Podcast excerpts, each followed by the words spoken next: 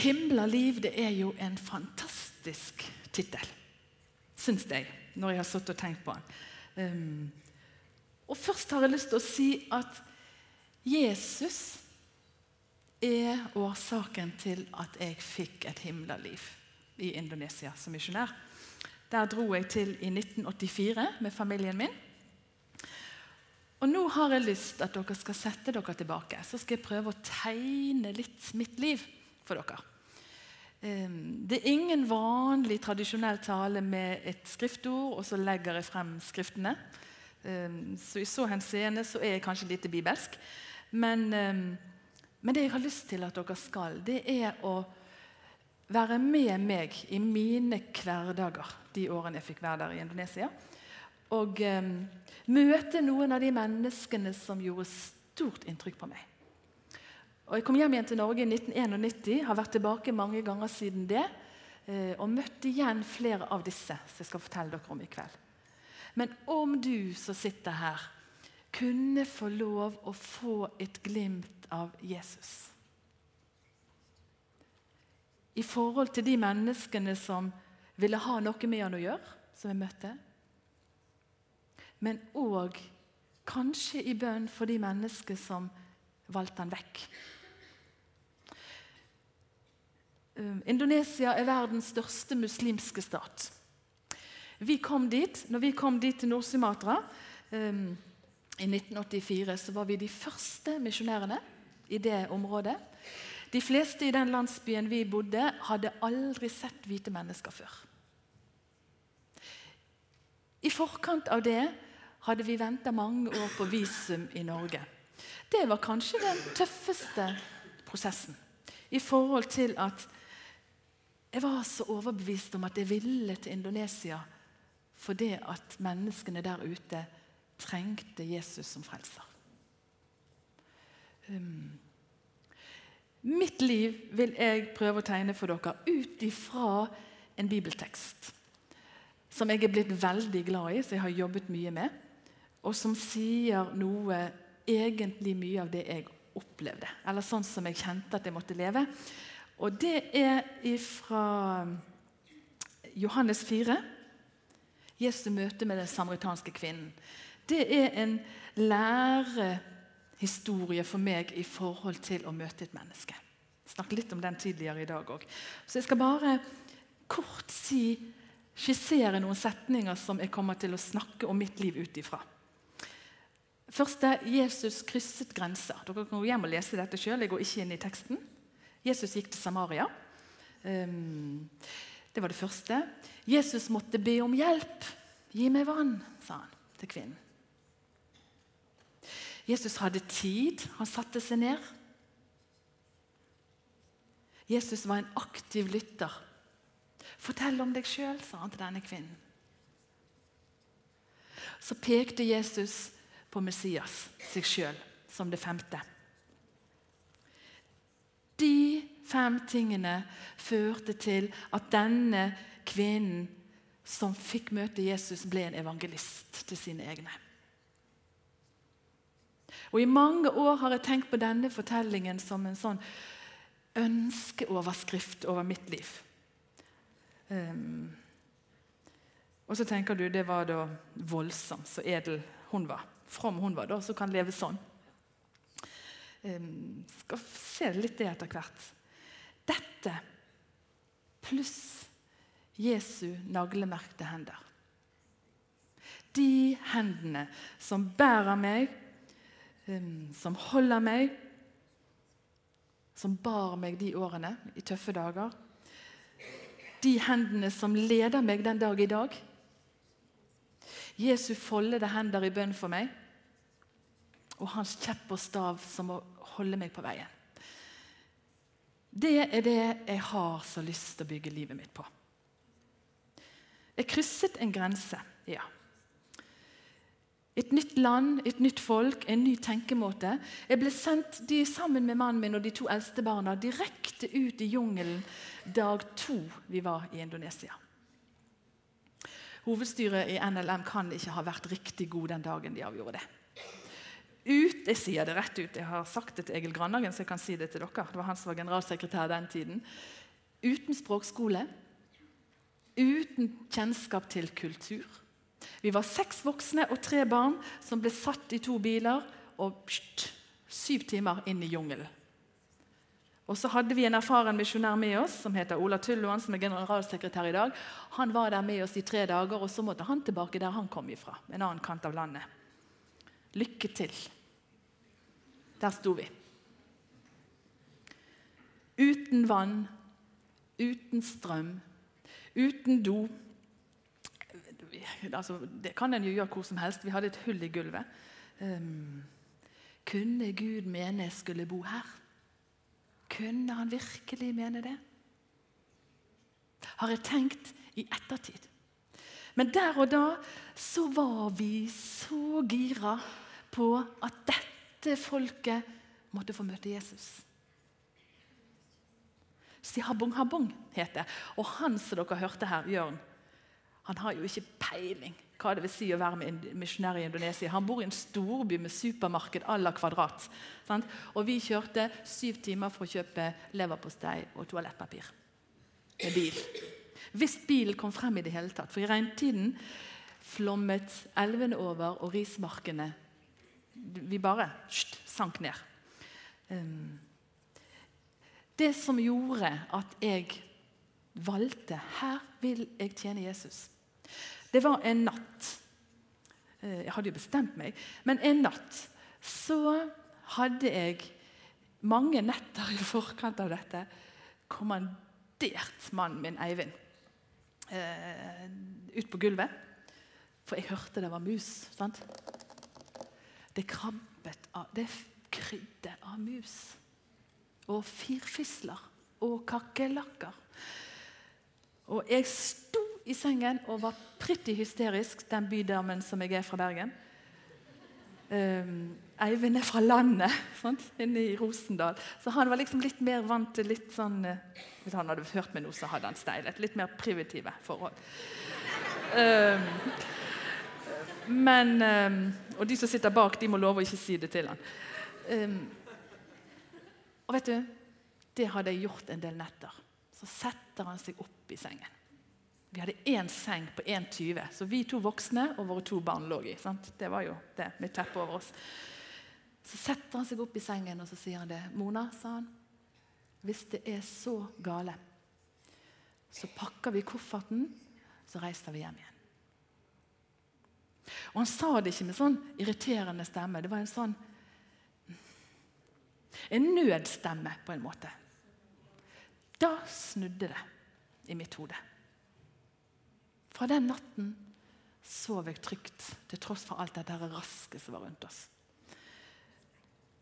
Her vil jeg leve, her vil jeg bo. Kunne ikke språket. Jeg krysset en grense. Nummer to var jeg måtte spørre om hjelp. Jeg måtte spørre Bli så liten og så avhengig av Jesus og så avhengig av de menneskene som var rundt oss, at jeg måtte peke på pulten min og lærte meg to ord. Og det var 'appa ito'. Og det betyr 'hva er det'? Og så håpte jeg at de skjønte at jeg ville lære hva ord, eller hva bord betydde. Sånn? Håpte at de sa 'media'. Jeg kan ikke huske om det var det de sa. Det betyr bord. Sånn lærte vi språket på 80-tallet. Jeg lengtet hjem mange ganger. Men jeg ville ikke reise. Men lengsel var der. Første konkrete bønnesvar som vi fikk i Indonesia. Dere, en del av dere var på et seminar jeg hadde i dag, to timer om, om forbønn og bønn. Um, vet at jeg har jobbet veldig mye med det temaet, og det betyr ufattelig mye for meg. Altså Bønn er det viktig, Jeg tror jeg kan si det er det viktigste i livet mitt. Um, Inga Birgitte, den eldste jenta vår, grein seg i søvn mange kvelder. Ikke fordi hun lengta hjem, men fordi hun hadde ikke noen å leke med. Hun var fire og et halvt år gammel. Fordi Vi bodde i et hus med disse her eh, lukene som de åpnet vinduene på. Sant? Altså Bare sånn skogger, som det heter, for vinduene.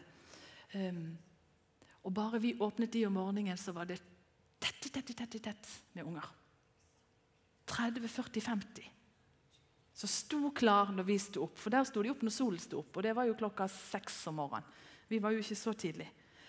Um, det er det nærmeste jeg har følt å være, en, um, være et dyr i en dyrepark. Og så sto de utenfor og kikket inn.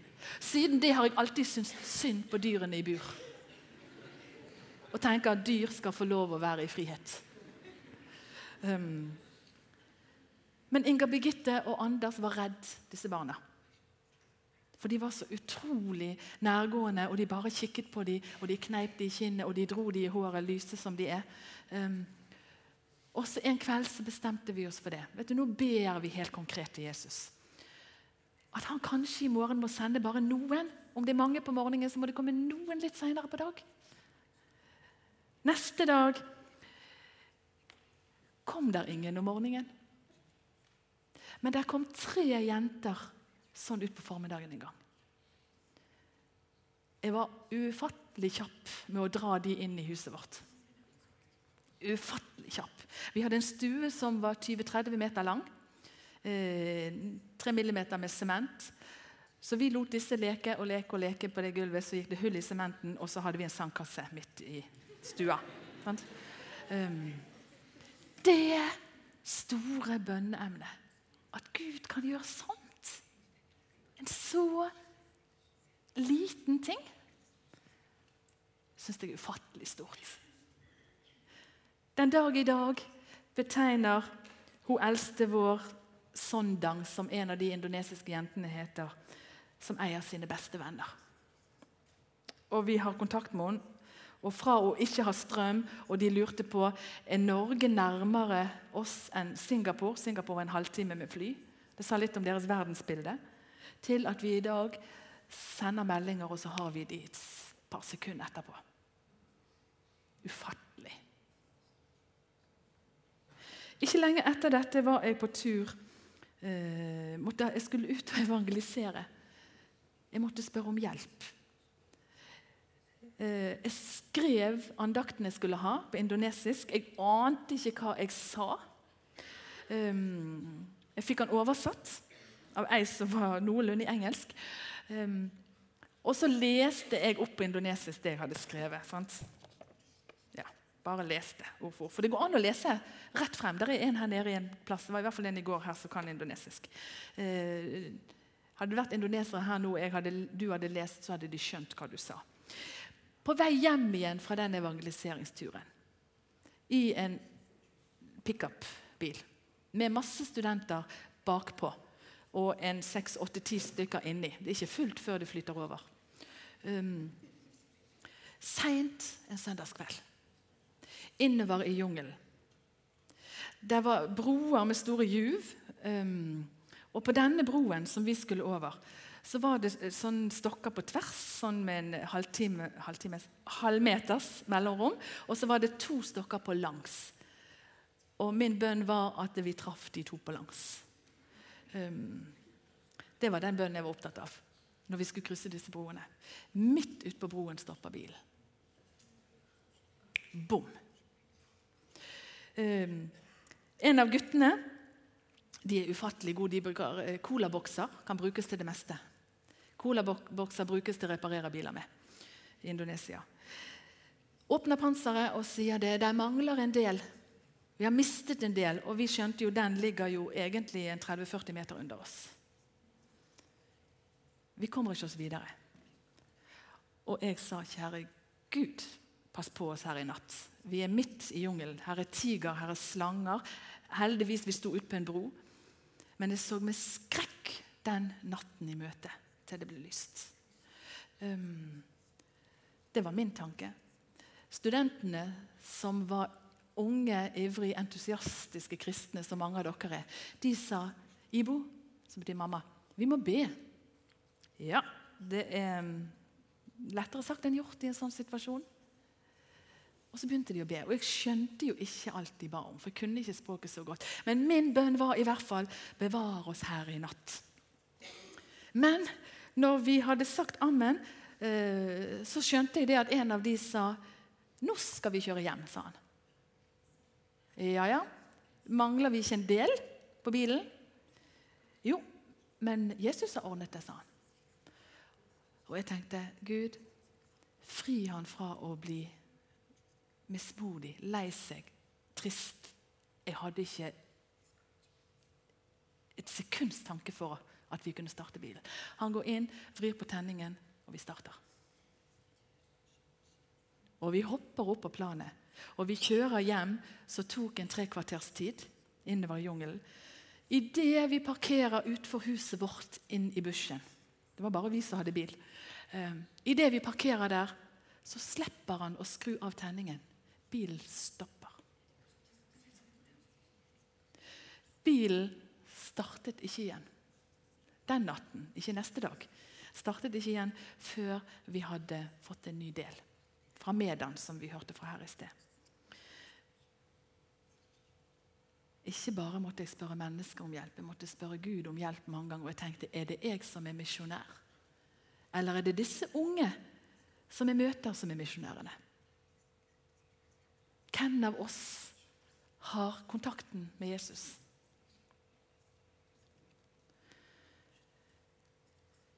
En av de første personene jeg møtte der oppe.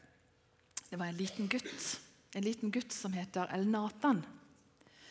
Um, denne lille gutten så jeg på markedet en dag, og han var full av sår og byller. Og mitt sykepleiehjerte ble sjukt. Og jeg tenkte 'stakkars gutt'. Um, jeg spurte om å få lov å hjelpe han. Hadde litt penicillin og litt salve. Og fikk lov å hjelpe denne gutten. Og han ble frisk av det. Det var jo ikke et under i seg sjøl, da. Men det det førte til, det var at det gikk rykter om meg i alle bygdene der omkring. Var ikke det det står i Bibelen om Jesus? Det ble fortalt om han i alle bygdene rundt omkring. Det ble det om meg, da. Der har kommet en hvit trollkvinne til oss. Og den trollkvinnen må vi bruke. Og det var horder med mennesker som kom og banket på døren vår. Denne trollkvinnen ville de se. Det stempelet var vanskelig å bli kvitt. Før de fikk et møte med Jesus. Men da de fikk et møte med Jesus, skjønte de, og ble øynene deres åpnet. Like etter dette at han El-Natan, som han heter, ble frisk, kom foreldrene hans på døra til oss og sier det at Sara er blitt syk. Så nå måtte jeg komme og gjøre henne frisk. Jeg vegra meg litt for det, og vi fikk samtale en stund der i, i heimen vår. Og um, um, Hun var fem år. Hun lekte med vår eldste jente. Vi var nede og ba for henne. Hun ble ikke frisk. Og det vet vi jo. Det skjer ikke alltid sånn som vi vil om vi ber. Heldigvis, kanskje. For å gjøre en lang historie kort Sara døde fem år gammel. Vi bodde faktisk på den gamle gravplassen i landsbyen. Eh, som en vestlending som liker hav og fjell, så fant jeg det høyeste punktet og sa her vil jeg bygge huset mitt. Oppe en høyde. Og det var en voldsomme diskusjoner. For det var nabotomten til gravplassen. Der ville ingen bo. Og som en eh, påståelig og sta bergenser så eh, mante jeg min mann til å gå inn i harde diskusjoner for å få den tomten. Vi fikk den tomten og bygde huset vårt der. Det førte eh, Nå kan jeg si at det var en Guds ledelse, for det førte faktisk til at menneskene vågde å gå over den haugen. Før gikk de lange omveier for å komme til markedet, lange omveier for å komme til kirken. Men etter at vi plasserte huset vårt der, så sa de der er lys på gravplassen. Vi våger å gå der. De så at vi var ikke redd, for vi bodde midt i et okkult strøk. Der var jeg Jesu forlengede arm. Så Sara ble begravd der med vårt hus. Hvorfor? Hvorfor Jesus? Okkultisme sier litt om. Merkelig. Det merkelige var at hver gang jeg var alene med barna Mannen min Jeg hadde egentlig ikke noe mm, skal til å si, aktivt arbeid. På mitt visum sto det 'Ikotsu Aminya', og det betyr at hun følger sin mann. Veldig bibelsk. Eh, han hadde arbeidstillatelse, og jeg, hos meg sto det 'følger sin mann'. Eh, han syntes det var stort. Eh, hver gang han var ute på disse evangeliseringsturene sine, så skjedde det et eller annet med oss hjemme. Enten ble barna syke, jeg ble syk. Prøvelser, prøvelser, prøvelser. Hvorfor, hvorfor, hvorfor? Jeg er redd, jeg er engstelig. Jesus, vis deg. Ikke alltid så jeg han. Men jeg var så trygg i at om den vonde kunne uroe meg, så kunne ikke han skade meg. Ikke én plass kunne han skade meg. Første gang jeg møtte dette helt konkret eh, Den første vennen eller venninnen jeg fikk der ute, eh, var ei dame som var like gammel som meg. da, 28 år. Siden har hun hett åttebarnsmoren. Hun var 28 år og hadde født åtte barn.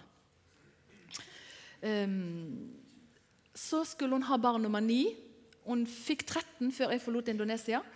Um, så at jeg bare hadde tre, skjønte hun ingenting av. Det var lite dugende. Men um, åttebarnsmoren, som sagt, ble en nær venn. Så tilkalte hun meg, for hun skulle føde. Så kommer jeg inn i denne hytten hennes. Jeg må ta på av disse her litt. Um, så ligger hun der. Og så spør jeg henne hvem er denne kvinnen som sitter her. sa jeg. For det var ei annen dame der. Jo, det er trollkonen, sa hun. Ok. Um, da kunne jeg språket. Uh, ja, uh, hvorfor er hun her? Dette var en familie som regnet seg som en kristen familie. Jo, for du skjønner det, sa hun Ibo. Mor kalte hun meg. Hvis jeg får litt fra hun For nå har hun bedt for meg, sa hun. Og hun har gitt meg en drikk som skal gjøre at det går bra. Så nå har hun gjort sitt, og hvis du nå ber, så er jeg safe. Hun brukte jo ikke det ordet, da. Um, da er jeg sikker på at dette kommer til å gå bra. Jeg er ikke jordmor, så jeg sa det. Jeg vil ikke ha ansvar for fødselen, men jeg skal være her med deg. Idet barnet var ute, så reiva de barna der ute. altså de, de, de må ligge sånn i tre måneder. Helt tett. Helt sånn. Um, og moren må ligge med gruen der lange, lange tider. Og Det fører til mye spedbarnsdødelighet og mye barseldød. Um, så kom jeg igjen neste dag. Det var da jeg møtte denne okkulte tanken. Eller den, det som de var bundet av. Så ligger denne nydelige lille jenta der inntil veggen. Med hodet inntil veggen. Burde egentlig tatt med et bilde av det. Bak hodet på barnet sånn, var det plassert et speil. Sånn at når jeg satt satte meg ned, så kunne jeg jo se meg sjøl i speilet der. Av en eller annen grunn så spurte jeg hvorfor det speilet sto akkurat bak hodet på barnet. Og så sier hun det. 'Husker du den dama som var her i går?' Og som jeg måtte drikke en drikk av? Hun sa at det måtte jeg gjøre, sa hun. For det kunne jo hende at hun, altså mor, hun som hadde født, hadde gjort noe som var til misbehag for åndene. Som gjorde at de vonde åndene de brukte ikke begrepet vonde åndene, de brukte bare åndene, ville ta barnet tilbake. Og så sier hun men når Satan kommer og bøyer seg ned og vil ta min nyfødte baby, så ser han seg sjøl i speilet, og så flykter han. For en redsel. Det er en virkelighet i Asia i dag. Men det er faktisk òg en virkelighet i Norge i dag. Jeg bor i Bergen, og Bergen blir betegnet som Europas, eller i hvert fall Skandinavias, okkulte hovedstad. Dette hadde ikke jeg hørt noe om på misjonsskolen. Hadde jo gått der noen år.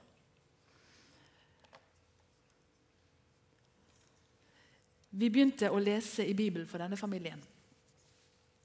Da leste vi stammespråket. Jeg Måtte ha hjelp av hun eldste dattera vår, for hun kunne språket. Så hun var tolken min når jeg var på besøk.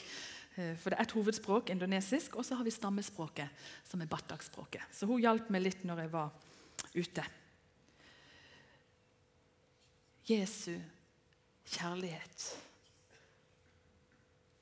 Men de hadde så vanskelig for å ta imot det. De så på det de hadde gjort i livet sitt. De så på seg sjøl og følte seg ikke verdig. Og Jeg synes det var så flott to setninger som ble sagt her i går eh, i talen. At vi kan ingenting gjøre for å fortjene Jesu kjærlighet. Eller få mer av hans kjærlighet. var det. Og vi kan ingenting gjøre for å få mindre av han. Uforskyldt av nåde. Uansett hva du gjør. Uansett. Men møtet med trollmenn var tøft. Og En av våre kristne venner sa det. 'Jeg tror, men jeg er ikke helt sikker', sa hun. Fordi at jeg har sett at den vonde har gjort frisk. For det var såkalt hvit magi der i den delen av Indonesia som vi bodde. Jeg har sett at så mange mennesker er blitt friske av å gå til den lokale trådmannen. Men hvor mange har jeg sett som er blitt friske av å be til Jesus? Da gikk det et lys opp for oss i forhold til vår forkynnelse hva jeg som misjonær måtte formidle. Ikke bare synd nådebegrepet, men Guds allmakt. Gud som den allmektige. Og Lukiana, som denne jenta heter, fikk virkelig oppleve det. Sammen med ei studievenninne på det teologiske seminaret som vi hadde der. Teologisk seminar syv timer inn i jungelen. Blant analfabeter. Det høres veldig spesi ut, og det var egentlig litt spesi å ha en sånn skole på en sånn plass. Og Det er den de nå har flytta til den byen som vi hørte intervju fra. Um, jeg har så mange personer, jeg må plukke de litt ut. Jesus hadde tid. Jesus lyttet. Der strevde jeg. Jeg måtte ha tid, for det var jo verken fjernsyn eller aviser eller noen ting.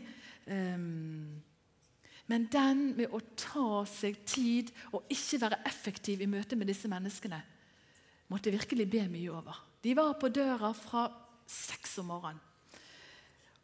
Og Vi åpnet og var hyggelige og sa velkommen inn. Og så sier de vi vil bare sitte her og drikke te.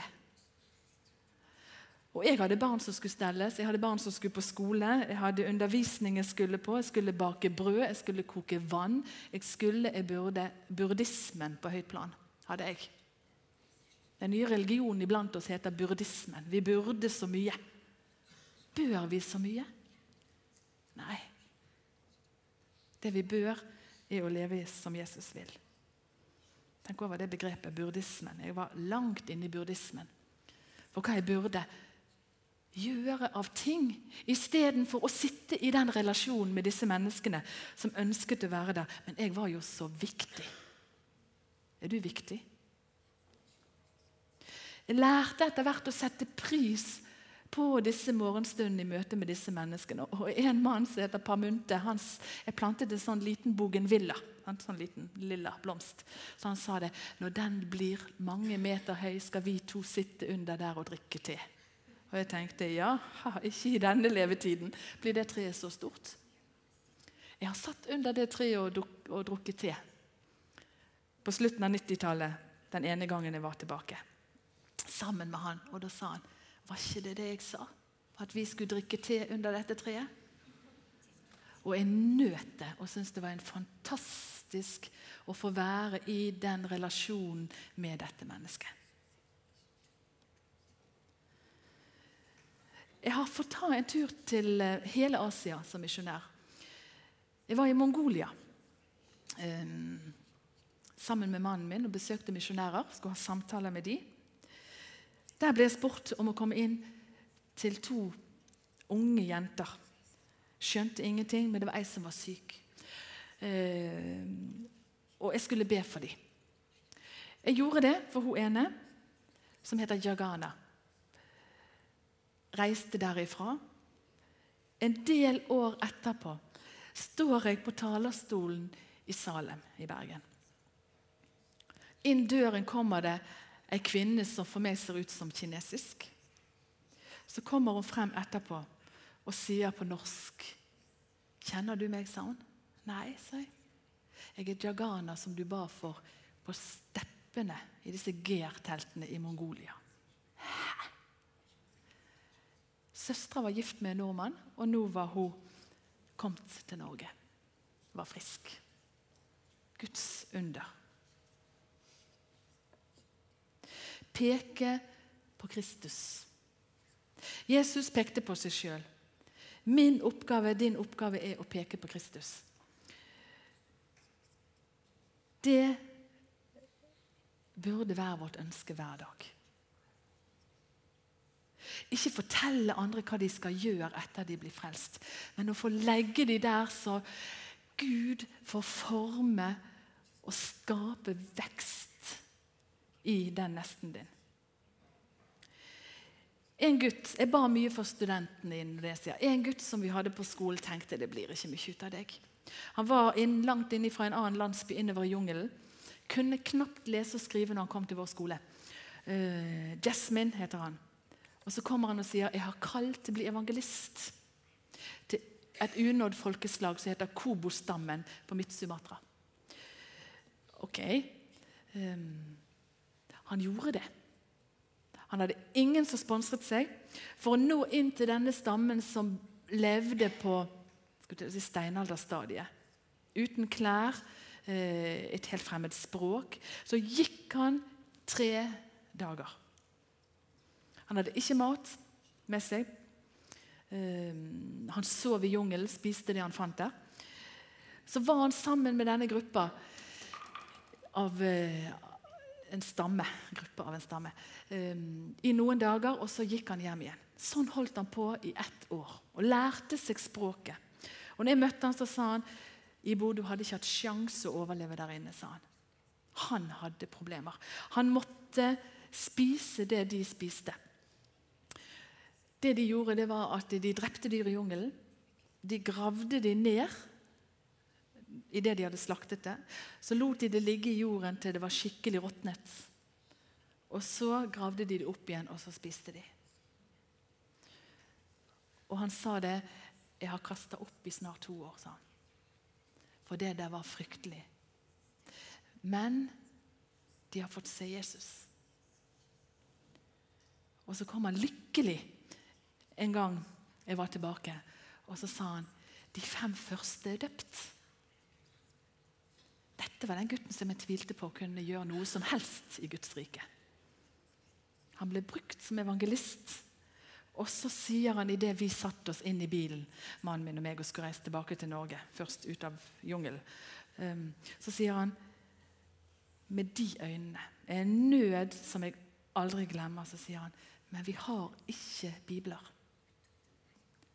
For det koster ti kroner for en bibel på deres språk. Og det har ikke vi mulighet til. Kjenner du noen i Norge som har 10-20-30 kroner? sa han. Og hva svarte jeg på det? Det var et tøft møte. Vi har skaffet bibler til den stammen. Men bare det Den nøden Og så tenker jeg, hva i all verdens slags nød har jeg for min nabo? Eller den jeg har møtt i Stavanger denne helgen. Jen skal snart gi meg. Jen ville òg bli evangelist. Det er en av de andre. Han var dyktig. Topp karakterer ut ifra seminaret. Virkelig en å satse på, syns vi. Jen ble blind. Han fikk en sykdom og ble blind. Um, vi ba mye. Vi ba ofte. Vi la hendene på han. Vi salvet han. Det skjedde ingenting. Han grein, han trygla, han ba. Så hadde vi en student som var utplassert fra en annen plass i Indonesia, fra Batu, som heter Titus, som var hos oss. Og Før han skulle reise tilbake, så sa han kan jeg få være med opp og hilse på denne unge gutten. Ja, det kan du. Eh, Eivind og han og Erik Våler eh, og de to eldste barna våre var med opp. Og jeg satt nede, og jeg tenkte jeg sitter her nede. Så jeg satt der nede og ba sammen med en av de andre kvinnelige misjonærene. Kjære Gud, må du gjøre et under her og nå. Og det hadde jeg bedt så mange ganger før. Uh, så tenker jeg, Mente jeg det jeg ba, eller bare ba jeg for å be? Så kommer Inger Birgitte og Anders, de to eldste barna våre, stormende ned. Og bort til meg sier de 'Mamma, Jen ser', sa de. Og jeg sier 'Sånt tuller vi ikke med'. Sånt tuller vi ikke med. Ja, men han ser. Jeg husker ikke om jeg sa 'skjerp deg', men jeg hadde sikkert hatt lyst til å si det. Han åpnet øynene, og så sa han 'Gitta og Anders'. Det var det første han sa når han fikk syn igjen. Han ble helbredet.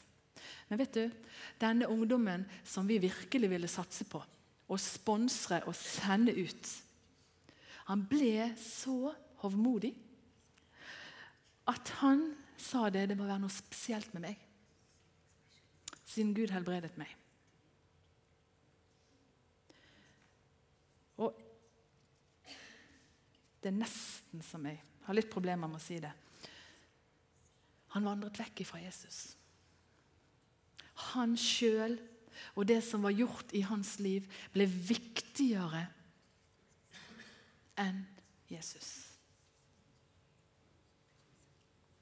Vi må aldri komme lenger enn at vi trenger Jesus. Du må aldri komme lenger. Og så må Jesus få forme deg derifra.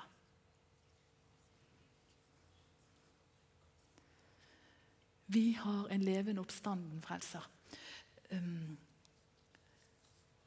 på Taiwan fikk jeg være med inn i et tempel som var lukket. Og jeg fikk frysninger når jeg kom inn i det tempelet. Vet du, De hadde en gud som var så høy at jeg er sikker på han var en 40-50 meter høy. Og Vet du hvorfor tempelet var stengt? Det var stier og tau opp i fronten av guden. De reparerte på guden sin. De skulle male ham på nytt med gull. Vi trenger ikke reparere på vår Gud. Kristus er død og oppstått og sitter ved Faderens høyre hånd nå og ber for oss. Vi har en levende oppstanden frelser. Jeg tror Nå er jeg ferdig. Jeg tror de lykkeligste dagene i mitt liv har jeg hatt inne i jungelen. De lykkeligste dagene Kanskje ikke akkurat de lykkeligste, men en av de lykkeligste i hvert fall. I vårt familieforhold. Vi hadde så tid til hverandre. Vi hadde så tid til de vi møtte. Jeg var så avhengig av Jesus. Og Av og til kjenner jeg den der lengselen midt i en travelhet. Men så er det ikke der jeg skal være nå, for nå har jeg satt i en annen tjeneste. Men min bønn er at jeg i dag må være like avhengig. Jeg er blitt minnet noen ganger om ett vers. Og Det er 2. Korinterne 9,8, som jeg ofte har måttet vende tilbake til. Gud er mektig til å gi deg, Mona, all sin gave i rikt mål, så du alltid og under alle forhold har alt du trenger til. Overflod til all god gjerning. Og Iblant så tenkte jeg hvorfor er det så vanskelig nå her i Indonesia? Hvorfor er det så tøft akkurat nå? Vet du, Til det gikk opp for meg at det var sommerferie i Norge. Det var juleferie i Norge. Det var påskeferie. Jeg tror mange tar ferie fra sine, sitt ansvar, sitt kristne ansvar, sitt kristne bønneansvar. Tro meg eller ei, vi merket det konkret. Og Dette skal ikke være noe sånn det der gir dårlig samvittighet, for all del. Men det viser noe om for en fantastisk allmakt. Og for en fantastisk Herre vi har. Som lar meg, Mona, udugelig egentlig, om dere bare visste hvordan jeg egentlig var, få lov å være hans redskap. Herre, jeg ber om at du griper sterkt inn i disse unge menneskers liv. Og fyller dem med din kjærlighet, så de kan få se hvem du er, og hva du kan gjøre i menneskers liv og i deres liv. Fordi du er en oppstanden, levende Herre og Frelser. I ditt navn. Amen.